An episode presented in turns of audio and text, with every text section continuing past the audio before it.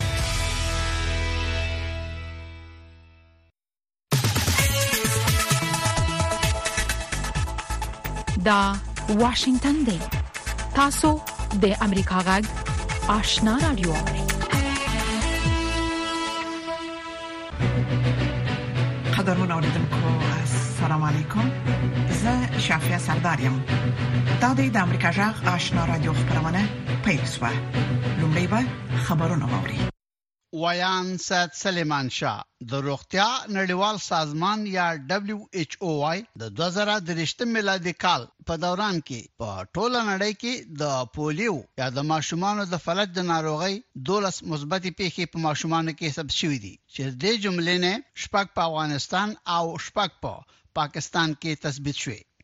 دا نړیوال سازمان وایي چې افغانستان او پاکستان د نړۍ یوازینی دوه هوادونه دي چې دغه ساري ناروغي پکې اوس هم خبريږي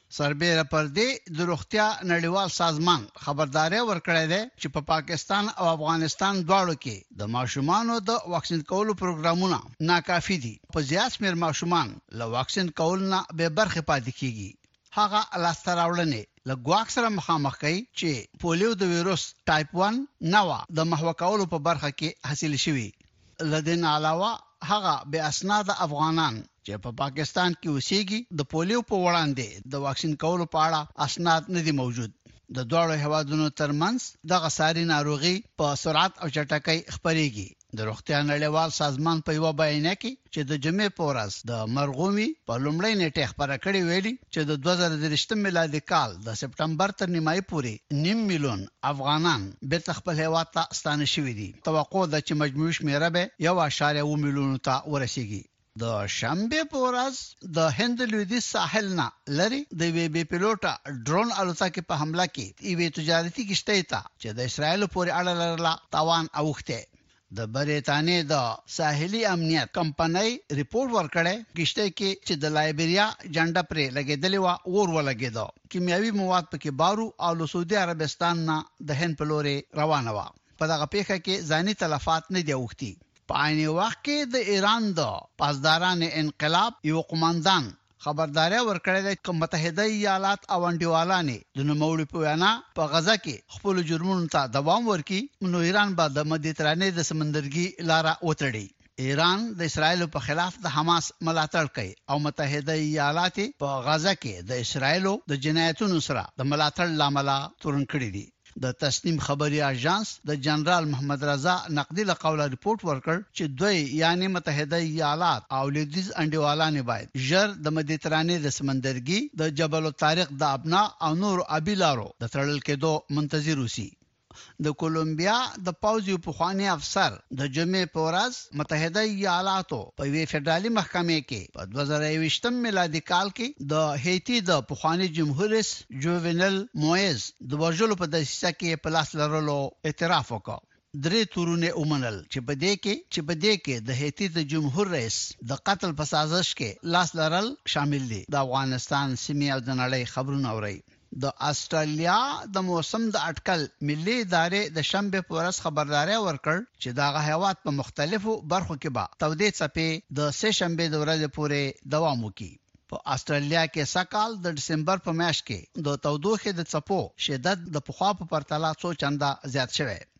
د اسټرالیا تر ټولو غټ ښار سیډني کې د شنبې په ورځ د تودوخې لوړه درجه د سانټیګراد په حساب له څلوېښتو درجو نه پورته شوه چې د فارنهایټ په حساب یو سل څلور درجې کېږي. د متحده ایالاتو روغتیايي ماموران وايي، دا وخت د کویډ نولس او فلو د ناروغیو پېښې مخ پر زیاتېدو دي، په سرعت خپرېږي. د متحده ایالاتو د فدرالي حکومت د ناروغیو د کنټرول او مخنیوي د مرکزونو ادارې خبر ورکړ چې په تېره اونۍ کې د امریکا په اوولس ایالتونو کې د فلو په شان نوې ناروغۍ خپرې شوې دي. او د سپټمبر له میاشتې راهیسې په ټوله امریکا کې تخمیناً شل فیصده مثبتې پېښې د همدغه نوي ویروس له امله خپرې شوې دي. د فرانس پرس خبري اژانس د رپوټ له مخې فرانسوي چارواکو وړمه ورځ یوه الوتکه چې له متحده عربې اماراتو نه الوتې وه او درې سوه هندي اتباع په کې نیکاراګوا ته روانو د انسانانو د قاچاق په شک کېنول شوه او د یوې وروستۍ ساینسي څېړنې له مخې د ګلخانهيي غازونو د خارجېدو له امله چې د نړۍ اقلیم اغېزمن کوي، راتلونکو څو پېړیو کې به ځمکه د هستوګنې وړ نه او د دوزخ په څېر په سره اور به واوړي. دا څېړنه چې د لیندۍ په ویشتمه خبره شوې د سویټزرلند د جنیو د پوهنتون او د فرانسې د سرن پوهنتون لخوا په ګډه سرته رسیدلې د خبرونو پایله خبرونه د امریکا جغ آشنا رادیو څخه واوریدل قدرمن اوریدونکو زموږ په دې سهارنۍ پښتو خبرونه کې د افغانستان سیمه او نړۍ د حالات په اړه کې مهم مطالب او مرکه لرو هله د خبرونه تر پای ووري لومړی به دا راپورټ ووري چې د طالبانو د حکومت د صنعت او سوداګرۍ وزارت وایي چې افغان سوداګرو په تیرو اتو میاشتو کې بهرنوي هیوادونو ته د 14 میلیونو ډالرو په ارزښت جلغوزي صادر کړي دي د سوداګرۍ او پنګونې د خونی چارواکي وایي چې د نورو کلونو په پرتله له افغانستان څخه بهرنوي هیوادونو ته د جلغوزو په صادراتو کې کموالی راغلی دی په دې اړه کې د کابل څخه اکرام شینواری رپورت راستولی د طالبانو د حکومت د صنعت او سوداګرۍ وزارت وایي چې په تیراتو میاشتو کې له افغانستان څخه چین او هندستان په ګډون یو شمېر بهرنیو هیوادو ته د 14 میلیون ډالرو په ارزښت جلغوزي صادر شوي د دغه وزارت ویاند اخوندزاده عبدالسلام جواد خبريالانو ته په یو استولي ویډیوي پیغام کې ویلي چې د صنعت او سوداګرۍ وزارت هڅه کوي چې د نورو توکو ترڅنګ د جلغوزو د صادراتو برخه کې هم افغان سوداګرو ته سہولتونه زیات کړي صادرات جلغوزه در 8 ماه گذشته به ارزش تقریبا 14 میلیون دلار بوده که اکثرا به کشورهای چین، هندستان، پاکستان، امارات متحده عربی، عربستان سعودی، قطر، امریکا، انگلستان، استرالیا، هالند و دیگر کشورها صادر شده است. د صنعت او سوداګرۍ د وزارت د تیر دوه زره دویشتم کال شمېرنې ښیي چې افغانستان تیر کال نهه میاشتو کې پنځه زره او درې سوه اتیا ټنه جلغوزي یو شمېر بهرنیو هېوادو ته صادر کړي وو. د صنعت او سوداګرۍ وزارت وایي چې تیر دوه زره دویشتم کال کې د جلغوزو صادرات زیات وو چې نږدې دوه نیم زره ټنه یې یوازې چین ته صادر شوي وو. د 2020 کال د اگست د میاشتې د مخه افغانستان تر شلو زرو ټنو پورې د جلغوزو د تولید اټکل کړی و چې اکثره د صادراتي توکو د لیک په برخه کې سوداګرو ته د سبسیډي په ورکولو سره په کم مصرف باندې بهرنۍ هیوادو او په ځنګړي ډول چین ته صادریدل که سم د طالبانو حکومت د زنو هیوادو سره د وی د هلیزونو لاري سوداګرۍ ته دوام ورکړي او هم د ځمکې لاري بهرنۍ هیوادو سره په ځنګړي ډول چین سره د منځنۍ اسیا لاري راکړه ورکړه زیاته کړې، خو افغان سوداګر وایي چې دمخه د تېر رژیم پر مهال ورته د صادراتو په برخه کې سبسیډي ورکول کېده چې اوسمهال ورته دغسې ملاتړ د طالبانو د حکومت لخوا نه برابرېږي. د سوداګرۍ او پانګونې د خونې د مدیره پلاوي غړی خان جان الکوزی وایي چې بهرنیو هېوادو ته د جلغوزو په صادراتو کې سږکال د پام وړ کموالی راغلی دی. سږکال دغه څوارلس میلیونه ډالر په اندازه باندې جلغوزې دغه شوي مګر د تېر کال په نسبت باندې کم دي. پروس کال مونږه شپږش میلیون ډالر جلغوزي صادر کړې وي او سکهال مونږه ډېر کم شوې دي 2000 ټن صادر شوې دي پروس کال 2000 ټن نه اضافه او سکهال 2000 ټن صادر شوې دي صادرات کم شوې دي نسبت د تیر کال په نسبت باندې اما دا چې دوی لیکلي دي چې یو یو د 14 میلیون ډالر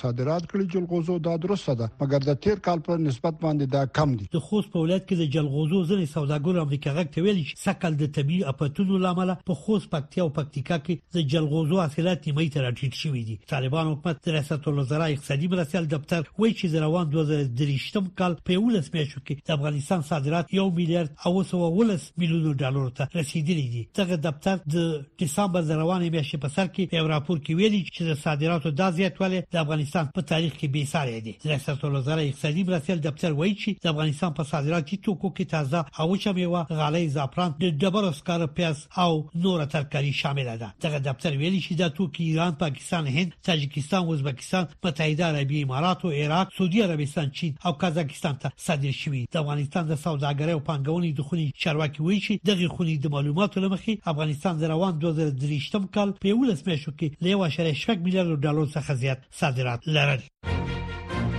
انتظار پای ته ورسید. درنو لیدونکو او اوریدونکو تاسو کولی شئ د امریکا غږ ټلویزیونی او رادیوي خبرونه د یاشر ساتلایت له طریقو وګورئ او واورئ د نوي ساتلایت لارې تاسو د آشنا اتصال او کاروان ټلویزیونی خبرونه کتلای هم شئ د امریکا غږ د افغانستان څنګه خبرونه په 309 پټ چنل او د آشنا رادیوي خبرونه په 309 پټ چنل کې اوریدلای شئ لملتيامو د تل پشان مننه د امریکا جغ آشنا رادیو څخه تاسو زموږ سهارنۍ پښتو خبرونه اورئ د ملګرو ملتونو د امنیت شورا د جمعې په ورځ هغه پریکړه لیک تصویب کړ چې غزې ته په خوندي توګه د بشري مرستو د لیږد غوښتنه پکې شوې ده خو د دې سره هم مهاله جمهور رئیس بایدن د غزې د جګړې د مدیریت لامل نوموړی منځوي شوی دی نور حال پر پور کې واوري که څه هم د ملګرو ملتونو په دغه پریکړه لیک کې د سمدستي اوربند غوښتنه نه ده شوې خو په دغه پریکړه لیک کې د غزې تړانګې ته بې له ځنډه د سمدستي بشردوستانه مرستو او په تلپاتې توګه د شخړو د پای ته رسېدلو لپاره د شرایطو په رامنځته کولو ټینګار شوی. د ملګرو ملتونو د خوړو د پروګرام د معلوماتو لمخې په غزه کې په پراخه کچه د قحطۍ د رامنځته کېدو امکان موجود دی زموږ اټکل دا دی چې نیم میلیون نفوس د هغه څه چې په هان یې د لوګي د خطرناک کچې په نوم یادوي سره مخامخ دي بلخوا د اسرایل له خوا په سیمه کې د پوځي عملیاتو د دوام سره هممهاله د امریکا د ولسمشر جو بایډن له خوا د اوربند د غوښتنې په اړه زړه نازړه توب د امریکا د ولسمشر سره د امریکا د مسلمانانو د ټولنې اړیکې زیانمنې کړي. دغه ټولنې د بایډن سره مقاطعه وکړئ په نوم یو کمپاین پر لاره اچولی. We are announcing. موږ د دې چې ولسمشر بایډن د دوه زره څلرویشتم کال ټاکنې وبایلي اعلان کوو، موږ د امریکايي مسلمانانو په توګه بې وسه نه یو، مونږ پیاوړي یو، مونږ پیسې نه لرو، خو مونږ حقیقي رایې لرو. د امریکا د ملي امنیت شورا ویاند جان کربي د مسلمانانو دغه غوسه مني. مونږ یقینا دا اورو او پر دغو بېلابېلو نظرونو پوهېږو. د دې خبرې په نظر کې نیولو سره، هېڅ یو ملت باید د هغه ډار چې اسراییل او حماس ته جوړ کړی، سره ژوند ونه کړي. هېڅ یو ملت باید په خپل ګاونډ کې د دغه ډول ډار سره ژوند ونه کړي.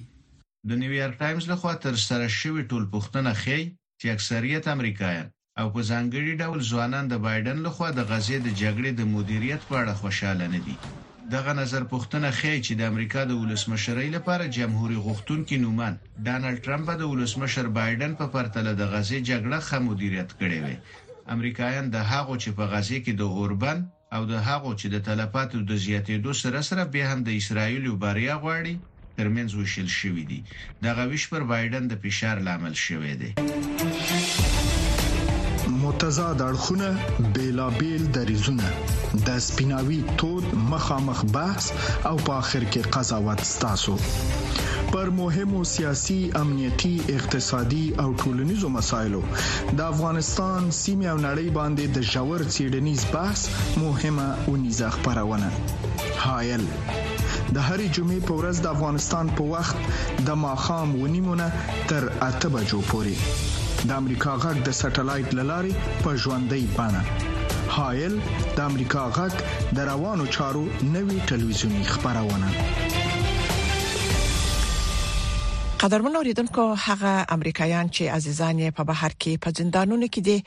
د نوي کال د دې رخصتیګانو د لمانځلو لپاره یو کوچنی دلیل لري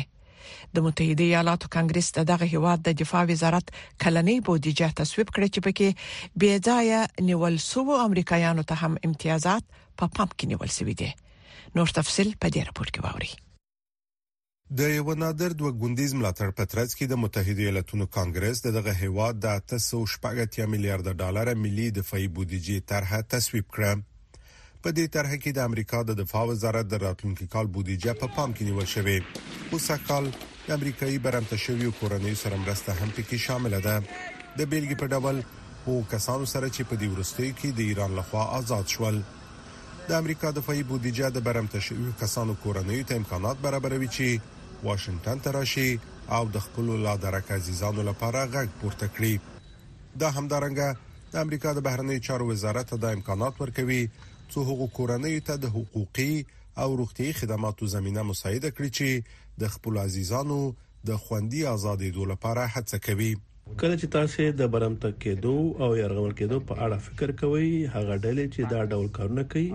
ښکاره ده چې له مذکره کېدونکو کسانو سره چې هر څوک وي، په یو ډول ژوره خصمانه اړیکې لري. بناً دا هر وخت ستونزمنه ده، داسې یو کس پیدا شي چې وکولای شي دا. واټن لپاره پول شي خو واقعیت دا دی چې رامنځته شو مشکل د خبرو لارې هواريږي متحده ایالاتونو مصر او قطر له اسرایل څخه د برمته شویو کسانو په قضیه کې چې له حماس او متحدینو سره د بندیانو د تبادلې په بدل کې خوشی شول ونډه درلوده که څه هم دا یو خبر وو خو لا هم له اسرایل څخه یو سل لس کسان لا درکه دي also کورماشیوا د ازادې اروپا او ازادۍ رادیو خبرياله ده هغه د داسې ادارې لپاره کار کوي چې د امریکا غږ په شان مالی ملاتړ دولت کوي روسیه هغه په دې تور زنداني کړ چې د وی بهرنۍ ماموري په توګه ځان نه دی ثبت کړی د روسیې د یو قانون لمخې چې په 2012 کال کې توشیح شوی هر هغه کس یا ډله چې له بهر څخه مالی امکانات ترلاسه کوي او سیاسي فعالیت کوي باید ځان ثبت کړي السو په دې خاطر په نخښه شوی چې هغه امریکایي تبع دی او د ازادې اروپا او ازادې راډیو خبریاله ده هغه دقیقاً په همدې خاطر ساړه زندان د میلو تر شا پرته ده د وال سټریټ ژورنال د خبریال ایوان ګریشکوویچ په قضیه کې چې مسکو نوموړی په مارچ میاشت کې په جاسوسۍ تورن کړ تر اوسه لږ پرمختګ شوی دی. خپله خبریال وال سټریټ ژورنال او د امریکا حکومت د هغه په وړاندې تورونه ردوي، خو له ډیپلوماسۍ پرته ډیر څه نه شي کیدای. د امریکا حکومت وایي چې ګرشکوویچ په ناحقه بندي شوی دی.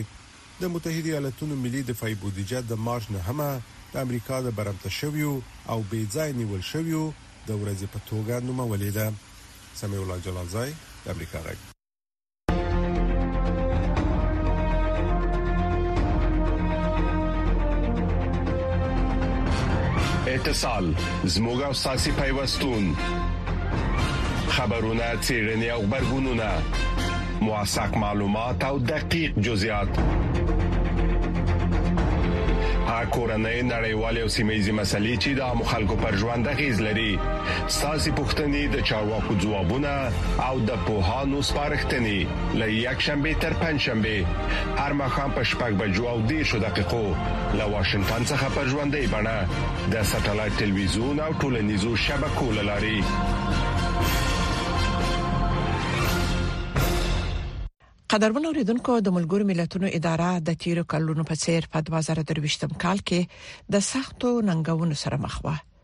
له یوې خوا په نړۍ کې پیل شوې نوې جګړې له بلې خوا د خوړو قحطي او ورسره د اقليمي بدلون له امله د ځمکې د کورې تودېدل هغه مسایل دي چې د ملګرو ملتونو ټولنه ورسره مخ وه او د حل لارې چارې ورسره نه وي نور حال پر پورت کې ووري په کال 2023م کې د اوکرين جګړه دوهم کال ته وغځیدله او لا هم د سولې هیڅ رک نه لیدل کیږي په افریقا کې نظامی کودتا او وضعیت نا آرام کړي او سودان او منځني ختیځ کې پیل سو تازه جګړو نړۍ د نوو خنړیو مسالو سره مخامخ کړي ده او د ملګرو ملتونو ټولنه تر اوسه د دې وینې تویدو د مخنیوي هیڅ توان نه لري ملګري ملتونه چې دا وخت د کومو جګړو د کنټرول سره مخ دي هغه کې د ملګرو ملتونو د امنیت شورا دایمي غړي دخیل دي او په دې حال کې ملګرو ملتونو ته ډیر کم فرصت برابرېږي چې ګام واخیستي شي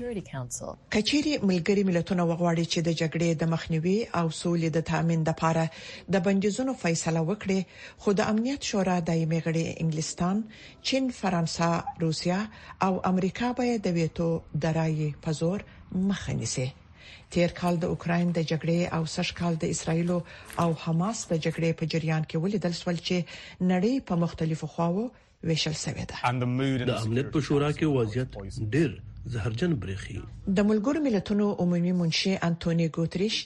دومره بې وسه دی چې د امنیت شورا دې ته هم نشي راضي کولای چې د اسرایل او حماس جګړه کې د بشري مرستو لپاره اوربند قایم کړي. امریکا د دې اوربند غوښتنه ویتو کړې او اسرایل د ښاغلي ګوتریش د استعفا غوښتنه هم کړې. په کال دوه زره درویشتم کې د ملګرو ملتونو د سوله ساتو قواو وضعیت هم ډیر د قناعت وړ نه و. د ملګرو ملتونو د سوله ساتو قواو د جوړېدو 15 او یا کال په داسې حال کې پوره کیږي چې د کانګو جمهوریت د ملګرو ملتونو سوله ساتو قواو څخه غوښتي چې د دوی لمنطقه ووزي او هیتی د ملګرو ملتونو د عسکرو په ځای د امنیت لپاره د نړیوالو قواو غوښتنه کړې ده افریقا هم د ملګرو ملتونو په ځای د خپلو سیمه ییزو قواوو په مټ شخړې هوارول غوره ګڼي. په دې شرایطو کې پوښتنه راپورته کیږي چې ایا د ملګرو ملتونو سوله ساتي عسکر ساتل په شپږ میلیارډ ډالرو کلنی لګښت ارزي؟ او کنه موږ داسې ګڼو چې باید د ملګرو ملتونو غړي هیوادونه په دې سره مشوره وکړي چې د ملګرو ملتونو سوله ساتي قواوې یوازې باید امنیت ساتلو لپاره مکلف واوسي او چې کله د امنیت لپاره عملیات پکار وي نو باید بدیل ورته وموندل شي. په کال دوه زره درویشتم کې د ملګرو ملتونو لپاره یو ستر پرمختګ په دوبۍ کې سوی د اقلیمي بدلون د کنفرانس هغه اعلان و چې هدف یې د سون لپاره داسې مواد کارول دي چې د نړۍ تودوخې ته تاوان نه رسوي په داسې حال کې چې نړۍ د اقلیمي بدلون د زیانونو سره مخ ده طبي آفتونه راغلي شخړې زیاتې شوې دي او نړۍ سخت ناراحته شوې ده نو ملګرو ملتونو د بشري مرستو د زیاتولو غږ کړی دی د بل خوا د تیرو څو لسیزو راهیسې د ملګرو ملتونو په چوکاټ کې د اصلاحات غوښتنې هم سوي دي او د ملګرو ملتونو د امنیت شورا په غړو کې د شرایطو سره د تغیراتو غږ هم پورته سوی دی خو څېړونکي وایي چې په خپل د ملګرو ملتونو غړي هیوادونه په دې یو نظر نه لري چې څنګه دي په اداره کې مثبت بدلونونه راولي شافع سردار امریکا جاغ واشنگټن د بدلون پر مهال کله چې د نړۍ وضعیت څرګند نه وي او کله چې اوریدل ل عیني واقعیتونو سره سمون نخري موږ په حقیقت پسې ګرځو کله چې موږ ته د یو موضوع یوازې یو اړخ بیانېږي نو باور بایلو د ناورین پر مهال د یوې ښې راتلونکې لپاره زموږ خوبونه تم یو هلي پر آزادو مطبوعاتو تکیه وي د امریکا غږ پر چپو موږ هغه خبرونه خبرو چې خلک یې د لیدلو لپاره غواخونه مني موږ نړۍ سره وسلو او د حقیقت په ویلو یو موټی کوو د امریکا غږ لاري موږ بشپړ انزور درکو د امریکا جغ آشنا رادیو څخه راپورټونه ته دوام ورکوي په کابل کې د باسکټبال سیالي پای ته ورسېده په دغه سیالیو کې چې نه لوبډلو ګډون کړی وو د سری میاشتې لوبډلې په اتلولۍ پای ته ورسېده د باسکټبال فدراسیون مسؤلین وایي چې نږدې راتلونکي کې به د ټالین هیواد ته د لوبډلو په مخه لوبډله ولېږي خو لوبغاړي د مالي ستونزو او د لوبغاړو لښنشتون څخه سرټکوي نور حال د شمس آرین پر پورت کوي په کابل کې د باسکټبال فدراسیون له لوري سیالي پای ته ورسېږي په دغه سیالیو کې نه لوبډلو ګډون کړی وو چې تر 15 ورځې دوام وروسته د سری میاشت لوبډلې په اتلولۍ ختمې شوې که څه هم د باسکټبال لوبغاړي ورته سیالیو ته خوښ ول خو بل لور ته د باسکټبال لوبو لپاره د لوبغالو او نورو امکاناتو له ستونزو سر ټکوي د باسکټبال د ټیم ستونزه دا د میدان نشتون ده یو د میدان نشتون لغټو ستونزو نه ده او بل د بودیجه نشتون د دې لپاره چې هیڅ فدراسیون ځان ته خاصه بودیجه نه لري تر غوڅ بیرون مرزي مسابقاتو کې ولوبېږي دا لوبې موږ لپاره ډېرې مهمې وې ځکه دا دوه کاله موږ کابل ډېرې بایلودلې وکړې دا لوبې موږ سره موږ لپاره ډېرې مهمې وې د ټینو خو خوشبختانه سې وم ګټلې بل لور ته د باسکټبال فدراسیون مسؤلین د پرتو ستونزو د حل ترڅنګ هیله څرګندوي ترڅو په نږدې راتلونکي کې د افغانستان د باسکټبال ملي لوبډله د تایلند هیواد په ګډون نورو هیوادونو ته هم د لوبو په موخه سفرونه وکړي تقریبا درې څلورو کشورو سره تماس لرو مونږه ایمیلونه کړی دي برته ایمیلونه رادو راتسوي دي او بل سره نو مونږه دغه د بخش سی سی کې مونږه سفر لرو په تایلند ته نو مونږه دغه مسابقه هم سیونی ولې د مغه په خاطر چې مونږه څلور کسان پلیران انتخاب کو دغه مسابقه ته بیا ولې ګو په خیر سره نو ان شاء الله کې د الله پاک رضا او حمایت د ریاست تربیت بدني و نو موږ به دغه ټیم ولېګو تایلند کشور ته بل خو د باسکټبال لوبي روزونکو د شته ستونزو د منلو ترڅنګ وایي ځوانان باید په اسانۍ ستونزو تسلیم نسی څو له افغانستان ورهاخوا لوی اتلولۍ په خپل نوم کړي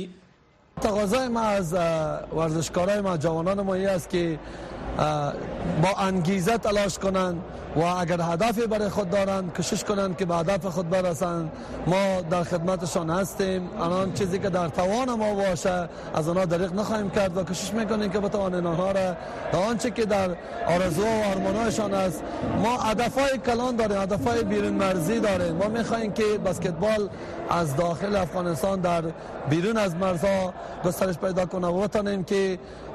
به مقام ها و کپ های بیرون مرزی دست یابیم که څه هم افغان لوبغاړي خپلو راتلونکو سیالیو ته د تیاري خبره کوي، خو بل لور ته یې پر وړاندې د پرتو ستونزو او مالي امکاناتو نه شتون اندېښنې څو چنده کړي دي. دا چې د ورزش او بدني روزنې ریاست به د دغه لوبغاړو ستونزې څومره حل کړي، لا څرګنده نه ده.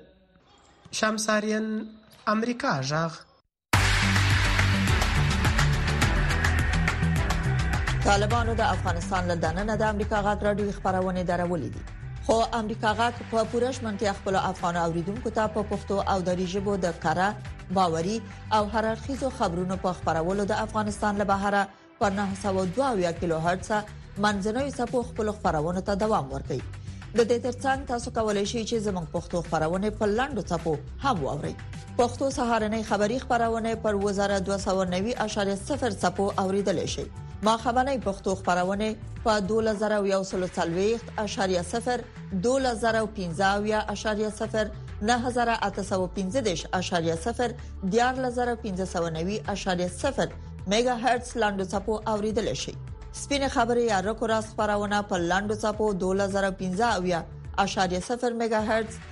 د نن او وضعیت یا روایت امروز خبرونه په لاندو چپو 2041.0 9915.0 2015.0 او ساسه غټ یا صداي شما خبرونه پر لاندو صفو 2015.0 نهه زره درې سوه پنځه پنځوس میګا هرتز اوریدلی شئ. او کریسمس د ډیرو خلکو لپاره د کورنیو سره راټولیدل او د دې ورځې په خوشحالۍ سره لمانځل دي خو د ډیر عمر لرونکو خلکو لپاره د کال دا ورځ تر ټولو یوازې ورځ وي خو په برتانیا کې یو خیریه ډله وایي چې خلک کولای شي د هغوی سره د مرستې لپاره ساده ګامونه اوچت کړي نور حال پر پورت کوي د وی سروې لمخې چې په انګلستان کې تر سره شوې ده سکهال بل 2 میلیونو نه ډیر د زیات عمر لرونکو خلک کریسمس په یوازې توګه تیر کړي لامدې کبله په بریتانیا کې د ډیر عمر لرونکو خلکو سره د مرستې په خاطر یو خیریه مؤسسه غواړي د غوي سره مرسته وکړي او د کال د سخت ورځې په نوم یو کمپاین هم پیل کړی دی په دې کرسمس کې موږ خپل کمپاین د کال د سختې ورځې په نامه پیل کړ، په دې چې موږ پوهیږو چې په دې ورځ به ډیر خلک یوازې وي. کرسمس د دوی لپاره ډیره سخته ورځ ده. د دوه نیم میلیونه ډیرو خلکو د کرسمس لپاره د خلکو سره د ناستې غوښتنه کړې. موږ هیله لرو چې د سختې ورځې کمپاین په پایله کې خلک ودریږي او د یوې دقیقې لپاره د هغو ډېر عمر خلکو په هکله فکر وکړي چې یوازې دي. ښايي داسې خلک د دوی په ګاونډ کې ژوند وکړي یا هغه خپلوان چې دوی یې د ډېرې مودې لپاره نه وي لیدلي خپل ټلیفون دې پورته کړي او دوی ته دې زنګ ووهي او ورسره دې د کریسمس د ورځې په خاطر د لیدنې لپاره چمتووالی ونیسي. انګلستان یوازینی هېواد نه دی چیرې چې کرسمس به د ډېر عمر لرونکو خلکو لپاره د یوازیتوب ورځ وي، بلکې د ملګرو ملتونو د یوه رپوټ په اساس چې وايي د نړۍ نیمايي برخه هغوی یوازې پرېښودې ده. موږ ته خلک د ټولنې د دوهم قشر په سترګه ګوري، بلکل همداسې ده.